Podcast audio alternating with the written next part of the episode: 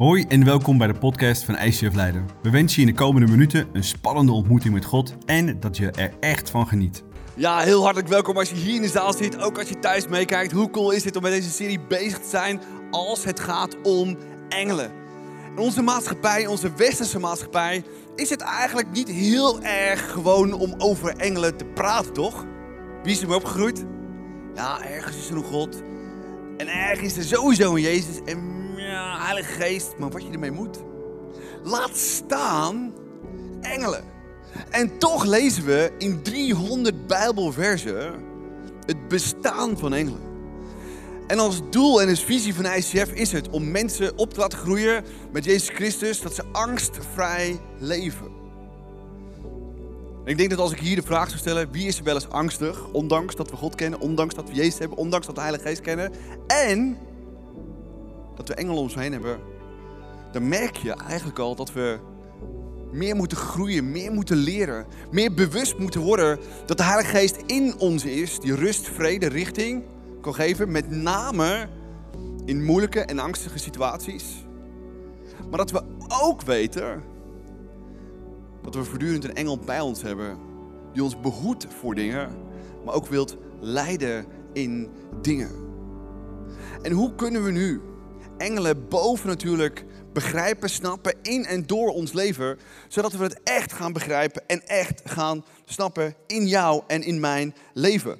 En wat we moeten snappen van engelen is, we hebben God Heilige Geest in ons, maar engelen om ons heen is het grondpersoneel van God zelf, die niet kan en niet wil doen wat engelen wel kunnen doen in ons leven. Dus engelen is het grondpersoneel van God in ons leven. En de eerste gedachte is, engelen dienen en helpen ons, met dit geval jou dus. Engelen willen jou helpen en jou dienen. En misschien denk je, mij? Me? Me? Echt? Serieus? Serieus? Nou, in het Oude Testament worden voornamelijk twee engelen genoemd. Welke zijn dat?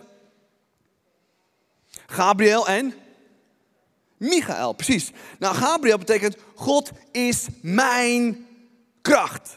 God is mijn kracht. En die weet ook, God is krachtig en wil ons er ook van, van overtuigen dat God ook krachtig is.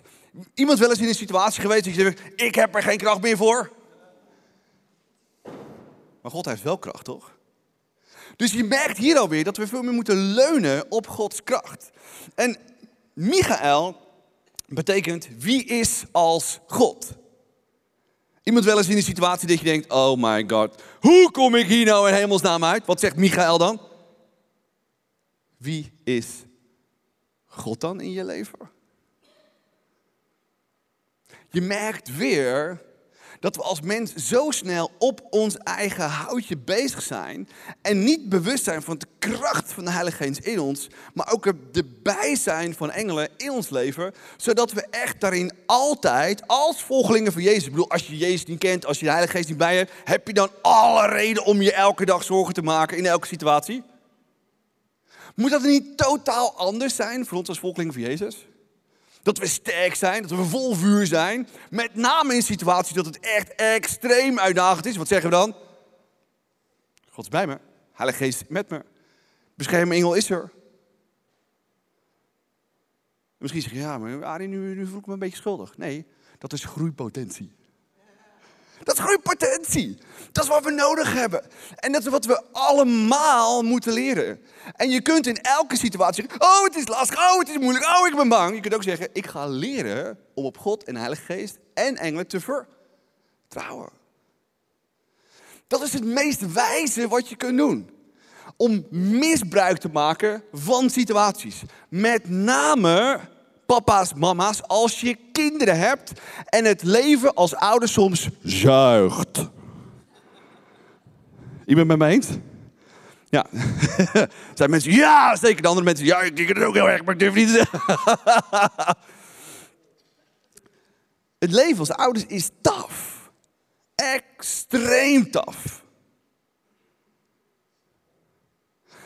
Maar je laat het of over je heen komen, of je zegt, God, Jezus, ik ga er niet voor zorgen dat mijn gezin, mijn omstandigheden, mijn hart harder maken, maar juist zachter van vlees en bloed, gevuld met Gods geest, kloppend, juist en met name in uitdagende situaties.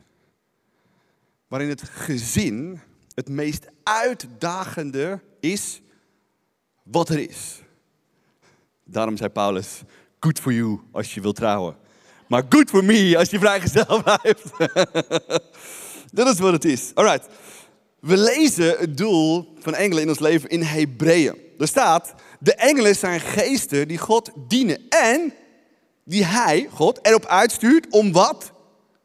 Mensen, ons mensen, jou als mens, ik hoop dat je mens bent, die gered worden. Zijn jullie gered? Volgelingen van Jezus hier? Mensen thuis? Ja, awesome, come on. Ehm, wat te doen? Te helpen. En misschien sta je nu pas voor het eerst van je leven. Je, oh, wauw. Ik heb slaapjes in mijn leven. Nou, is één manier om te benaderen, maar wel degelijk om jou te helpen. En misschien zeg je hier, maar waarom heb ik het dan altijd alleen gedaan? Omdat we er niet van bewust zijn. Het is in onze westerse cultuur niet de normaalste zaak van de wereld om zo te denken. Maar in Jezus' tijd was het de normaalste zaak om zo te denken. Daarom schreef ook deze schrijver van Hebreeën deze brief. En aan het eind van dit hoofdstuk, van hoofdstuk 1, lees je dus dat dit het doel is van engelen. Om duidelijk te maken dat dit het doel is van engelen, maar om nog duidelijker te maken wat het doel is van Jezus. Want zij dachten, misschien is het beter om terug te gaan naar het Jodendom in het oude en regeltjes en wegjes. Dat geeft zoveel zekerheid, is heerlijk. En deze schrijf zegt, so goes it not. Jezus is awesome. En misschien wil je terug naar ook engelen, en alleen maar engelen, maar Jezus is boven alles. En die engelen willen je helpen. En ik hoop met heel mijn hart dat deze message vanochtend overkomt bij jou en bij mij. Het tweede gedachte is, engelen voeren Gods opdrachten uit. God geeft een opdracht, zij voeren het uit. We lezen dat in Psalm 103. Laat alle engelen de Heer loven. Zij zijn sterke helden die zijn woord geloven, leuk vinden, grappig vinden. Nee, uitvoeren en luisteren naar zijn stem.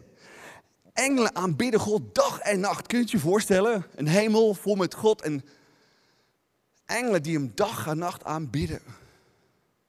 En soms daar die Michael en Gabriel uitpikt en zegt, doe dit, of doe dat. Of doe zus. Of doe zo. En we kennen een aantal van die voorbeelden in ons leven van de Bijbel. Maar als we echt werkelijk waar willen weten waar God elke dag mee bezig is, dan zouden we voorbeelden kunnen geven. Van wat voor opdrachten God gegeven heeft aan engelen. Voor en in jouw leven. Hoe cool zou dat zijn als we dat wisten? Fijker, wat doet engelen nog meer? Ja, engelen die kondigen in veel verschillende bijbelteksten. Uh, engelen hebben heel veel verschillende rollen. In heel verschillende bijbelteksten komen die ook terug. Lees maar, maar mee. Engelen kondigen de komst van Jezus aan.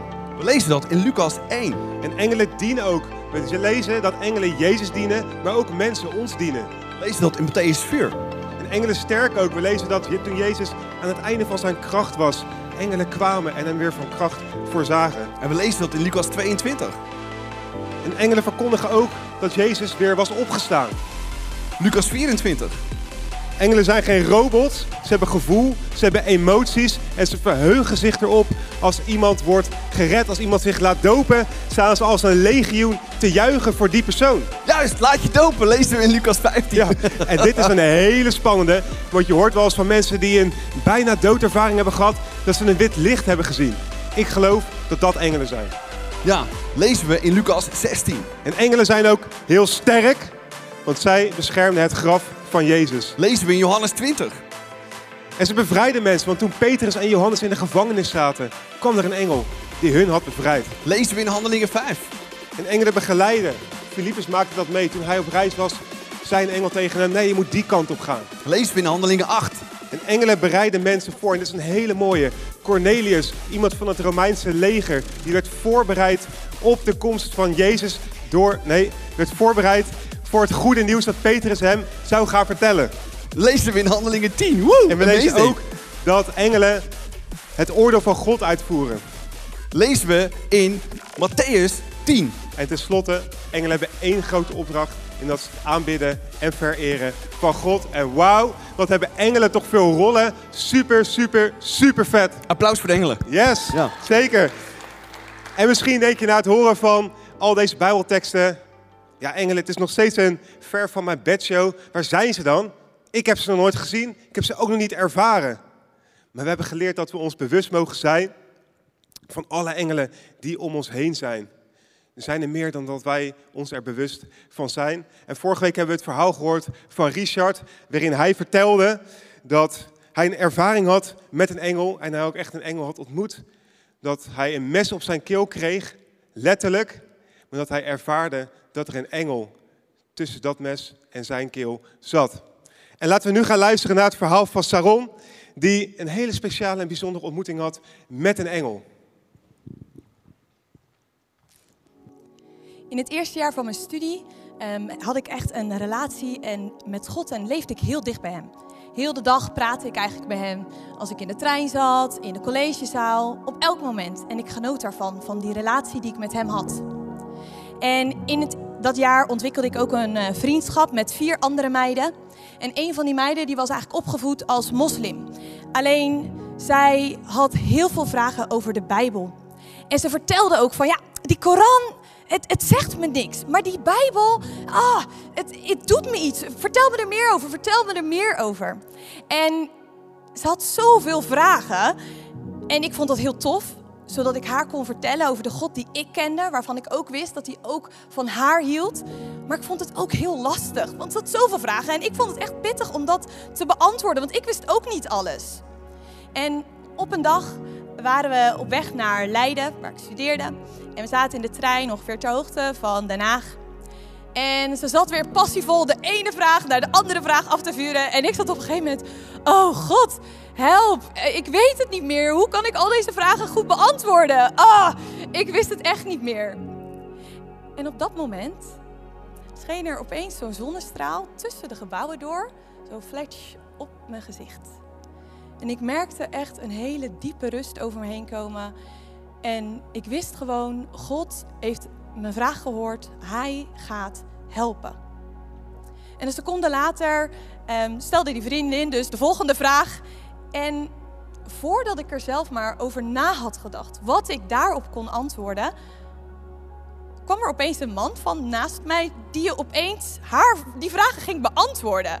En zij stelde die vraag en hij beantwoordde. En ik, hoefde helemaal niks meer te doen. En ik was helemaal eigenlijk overdonderd door het moment en door wat er gebeurde. Dat ik echt zoiets had van, oké, eh, weet je wel, wat, wat gebeurt hier? Eh, oké, chill, thanks God, dank u wel dat u dit gebed verhoorde. Maar achteraf bedacht ik me echt, hè? Ik heb helemaal niet geregistreerd dat er heel de tijd een man naast mij zat. En voor degenen die mij kennen, ik ben best wel iemand die best wel veel van zijn omgeving meekrijgt en heel snel daardoor afgeleid wordt. Maar ik heb heel die man helemaal niet geregistreerd. En hoe langer ik erover nadacht, hoe meer ik het bizar vond. En toevallig, waar ik niet zo heel erg in geloof. En ik merkte dat ik steeds meer de overtuiging krijg, kreeg, ik heb daar echt een engel ontmoet. En het raakte me, dat God eigenlijk in zulke kleine dingen ook zijn engelen stuurde om mij te helpen. Om mij te ontlasten op het moment dat ik het echt niet meer overzag. En ik ben daar heel dankbaar voor dat ik hem daarin op een hele bovennatuurlijke manier heb mogen ontmoeten. Wauw. Thanks. En hoe vaak zou God ons wel niet een engel hebben gestuurd die ons kan helpen, zoals bij Saron, of zou komen beschermen, zoals bij Richard? Hoe vaak heeft God ons wel niet een engel gestuurd, terwijl wij ons er helemaal niet bewust van zijn geweest? En we zitten nu in deel 3 van deze fantastische serie, waarin we echt hebben mogen leren over de aanwezigheid van Gods engelen. Waarin we hebben geleerd dat waar we ook gaan, als we zo meteen weer die deur uitgaan, we weer onze week tegemoet gaan, we zijn engelen kunnen vragen om bescherming. En in de Bijbel lezen we een verhaal waarin God een engel stuurt met een duidelijke boodschap en die engel ook echt zichtbaar was. En het gaat om het verhaal van Zacharias en Elisabeth. En Zacharias en Elisabeth waren al oud, heel oud, en ze konden geen kinderen krijgen, want Elisabeth was onvruchtbaar. Maar ze leefden volgens alle regels van God en gehoorzaamden hem dag in, dag uit, dag in, dag uit. En Zacharias was een priester die diende in de tempel. En het verhaal gaat als volgt. Op een dag had Zacharias dienst in de tempel. Er werd altijd geloot om wie het heiligdom in zou gaan. En je raadt het al, Lot viel op Zacharias. Dus Zacharias was helemaal ready. Hij ging het heiligdom in, uh, ging naar de wierook toe, stak het wierook aan. En uh, hij was er helemaal alleen. De mensen buiten stonden te bidden voor hem, voor, voor de tempel. En hij was er helemaal alleen in die ruimte. En plots... Boe! Wow, wow, wow, wow, wow. No fear, bro. No fear. Yo? Wees niet bang, Zacharias. Ik ben gekomen om u te vertellen dat God uw gebed verhoord heeft. Uw vrouw Elisabeth zal een zoon krijgen en die moet een Joas noemen, Johannes noemen. Maar ik ben al oud en mijn vrouw, die is extreem oud. Hoe, hoe moet ik het geloven? Ik ben Gabriel, die dicht bij God mag komen om hem te dienen. Ik ben gestuurd om je deze dingen te vertellen. Oké. Wat ik gezegd heb, zal vervuld worden als de tijd ervoor is aangebroken. Maar omdat jij mijn woorden in twijfel hebt getrokken, zul je niet kunnen spreken tot alles gebeurd is zoals ik het je heb gezegd. Ik ga nou maar weer aan het werk.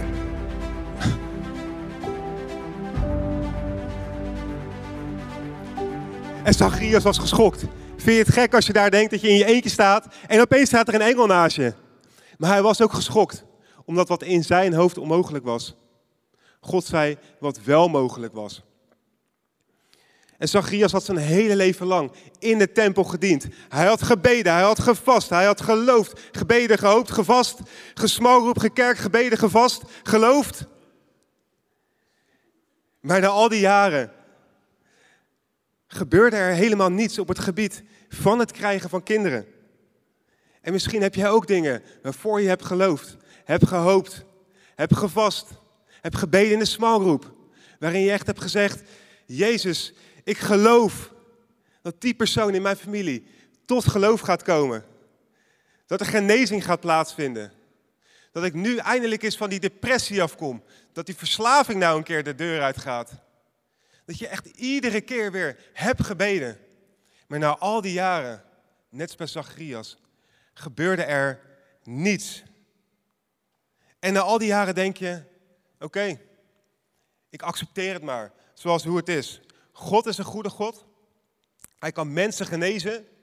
Ik heb het hem zien doen, hij kan het. Maar mij gaat hij niet genezen. Mij gaat hij niet voorzien van die doorbraak in mijn leven. En je gelooft nog steeds in God, maar als het om die ene doorbraak gaat, dan heb je omarmd en geaccepteerd dat God daarin niks gaat doen.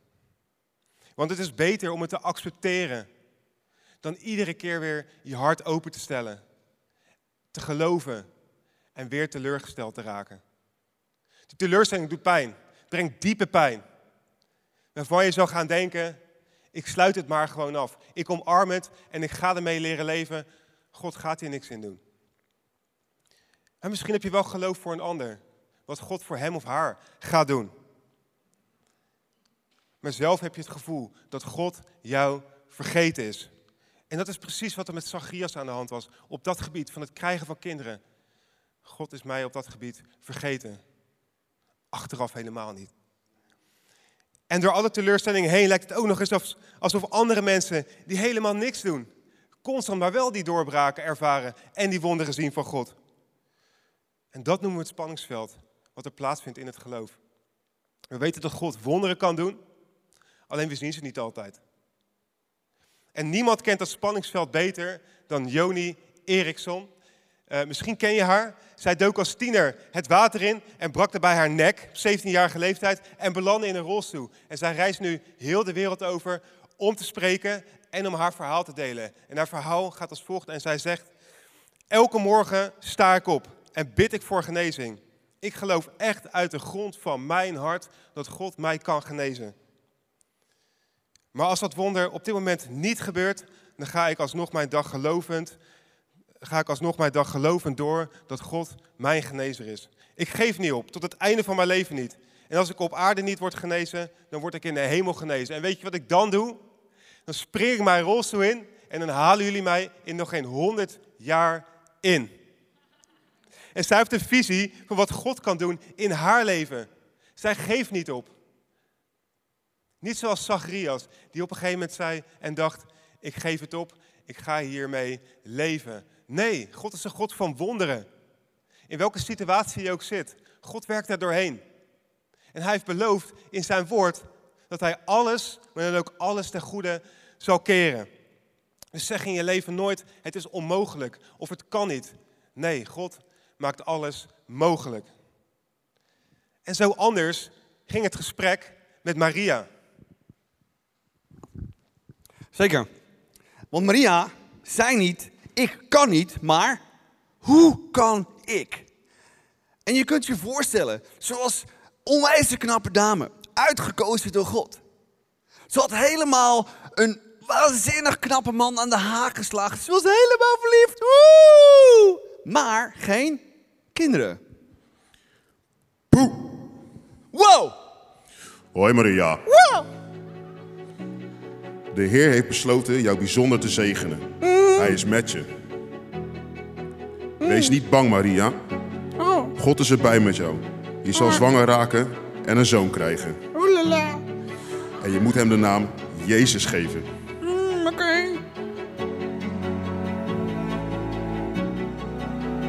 Ze zei niet, ik kan niet. Ze zei, hoe kan ik? Zacharia werd heel blij toen hij hoorde was, ja je krijgt een baby, je krijgt een baby. En Maria dacht, nee, no baby's, geen baby's, geen baby's. Maar ze zei wel, hoe kan ik een baby krijgen? En ik denk dat het zo vaak in ons leven ook gebeurt. Dat God iets voor je vraagt. Ja, kan niet, wil niet, kan niet, wil niet, kan niet, wil niet. Maar wat we moeten zeggen is, oké God, eh, u heeft blijkbaar meer visie voor mezelf dan ik. U gelooft iets meer dan mezelf dan ik. U heeft misschien wat meer ideeën over mezelf dan ik. Hoe dan?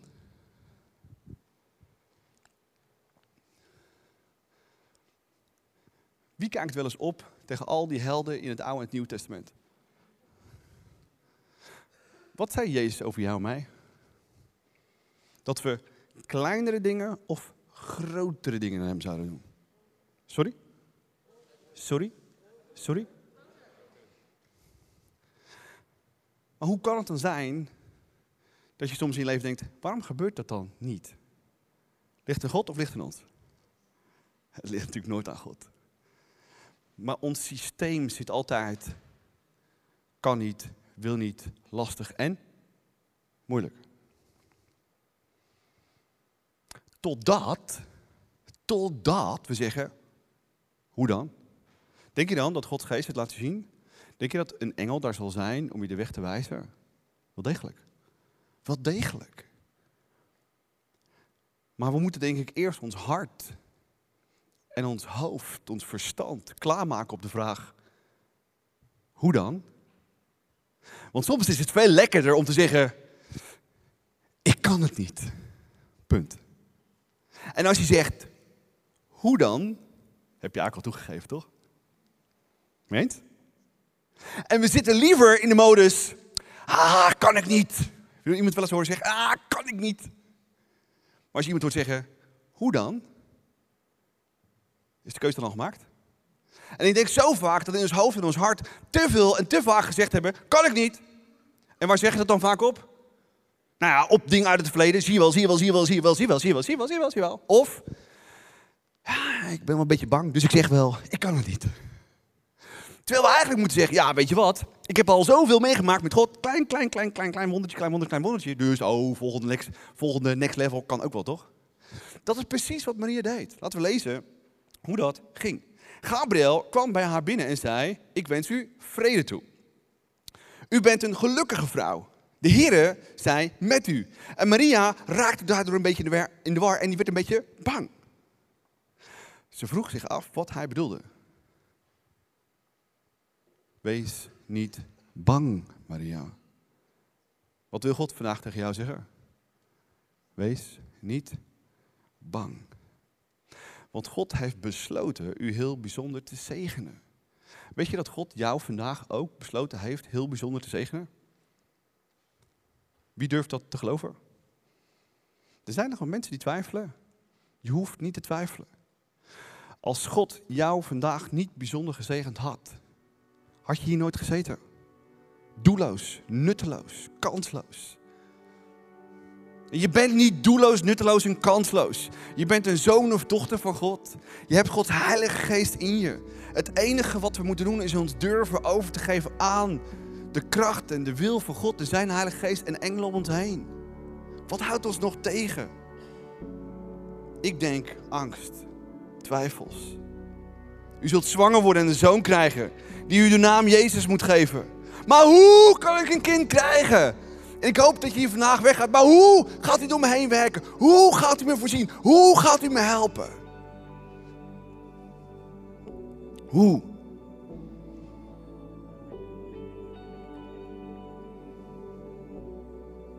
Want ik ben nog maagd. Wat is jouw smoes vandaag? Wat is jouw gedachte? Wat is jouw maar? Ah, dat kan echt niet.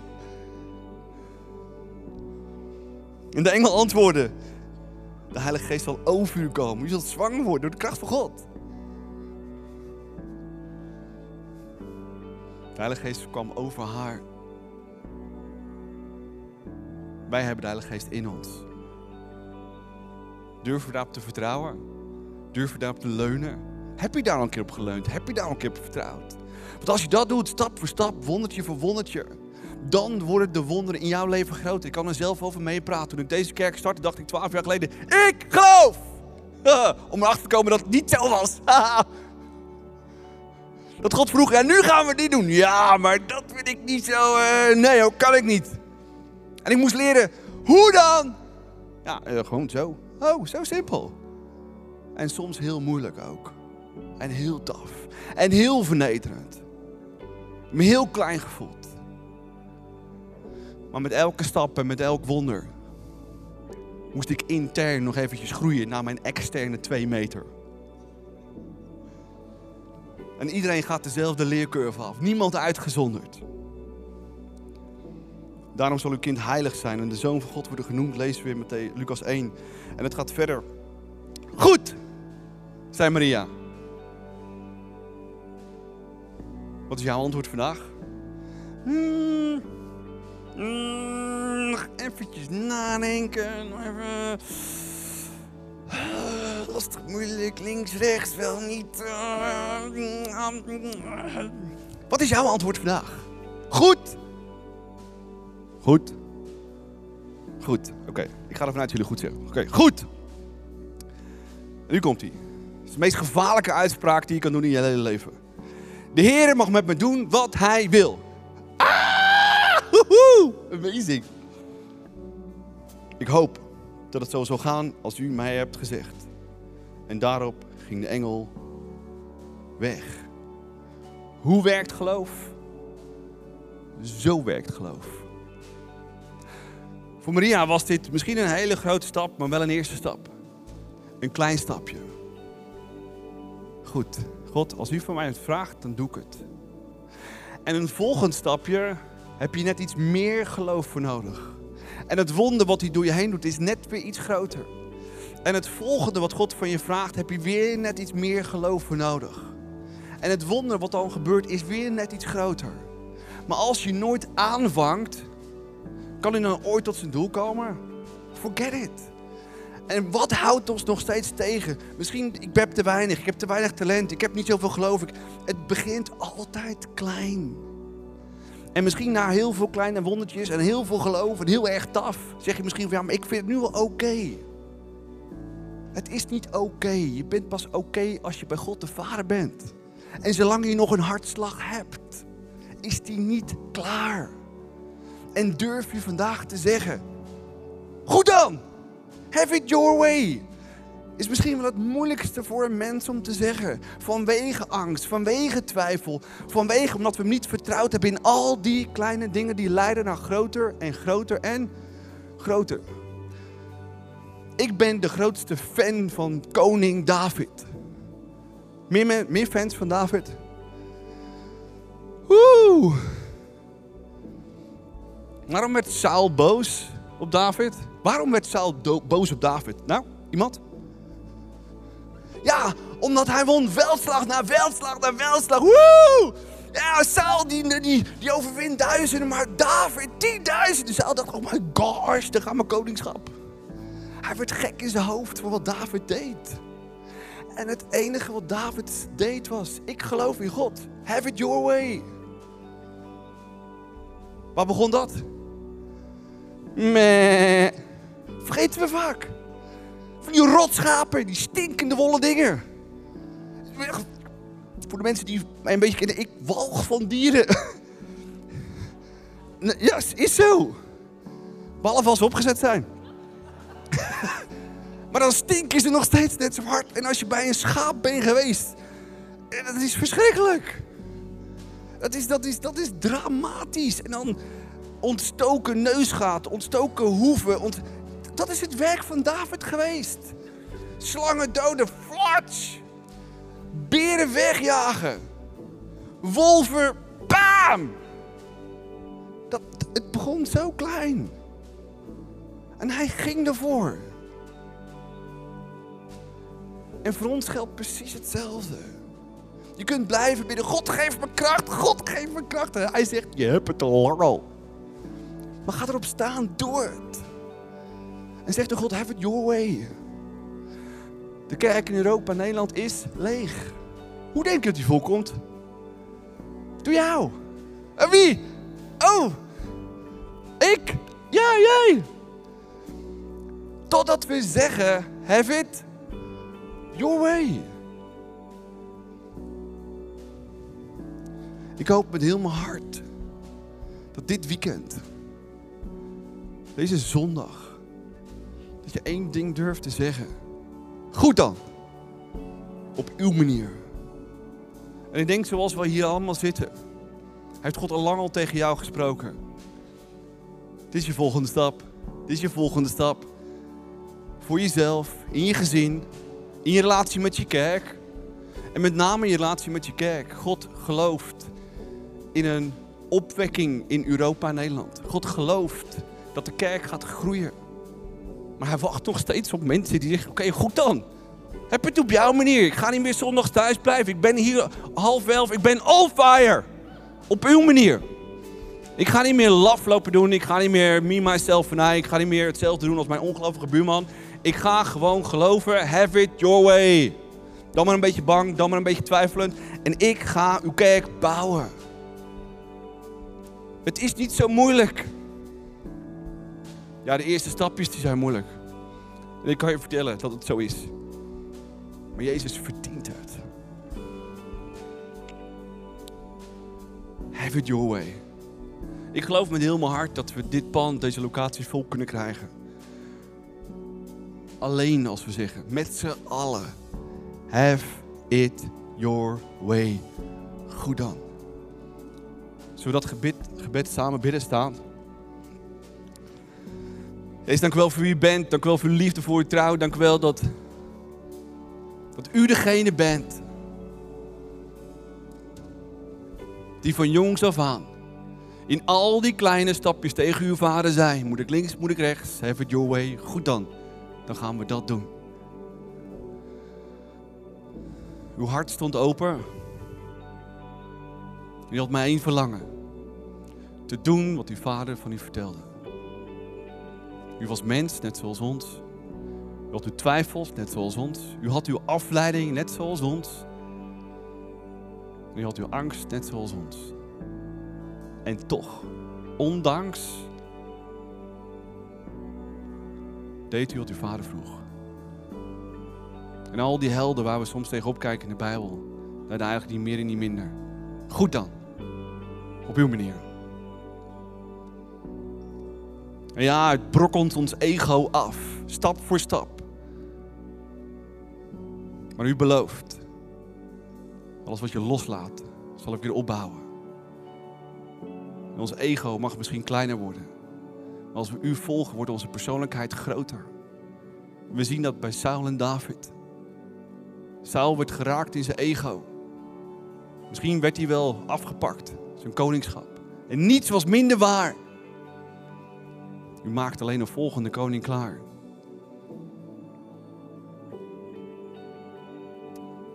Jezus, hier is mijn ego vandaag.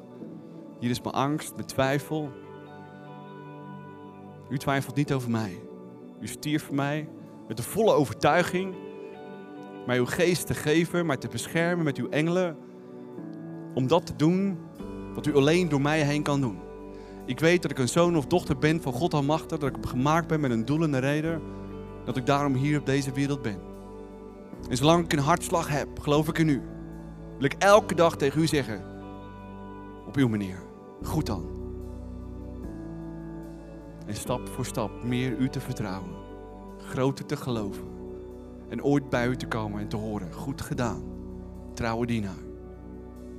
Wees dank u wel voor deze kerk, dank u wel voor deze plek, dank u wel voor deze plek in de stad, dank u wel voor de jaren die achter ons liggen. Maar het beste ligt nog voor ons.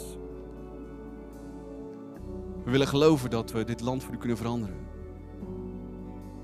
We willen geloven dat hoe u op uw manier met uw discipelen, de mensen van die tijd, in vuur en vlam kon zetten, dat het nu nog steeds kan en moet. We hebben uw Heilige Geest, we hebben uw engelen, we hebben uw opdracht in de hand. En hier willen we zeggen, goed dan. Hier is mijn leven. En misschien wil je hier nu op dit moment heel erg in je eigen woorden tegen jou, Jezus, zeggen. Jezus, dit is wat me tegenhoudt. Dit is wat ik moeilijk vind. Leg het in zijn hand. Om met je eigen woorden in jezelf te zeggen, goed dan. Ik doe het. Leven op uw manier. Zeg het in je eigen woorden hier in de zaal of thuis of waar je ook meekijkt of meeluistert.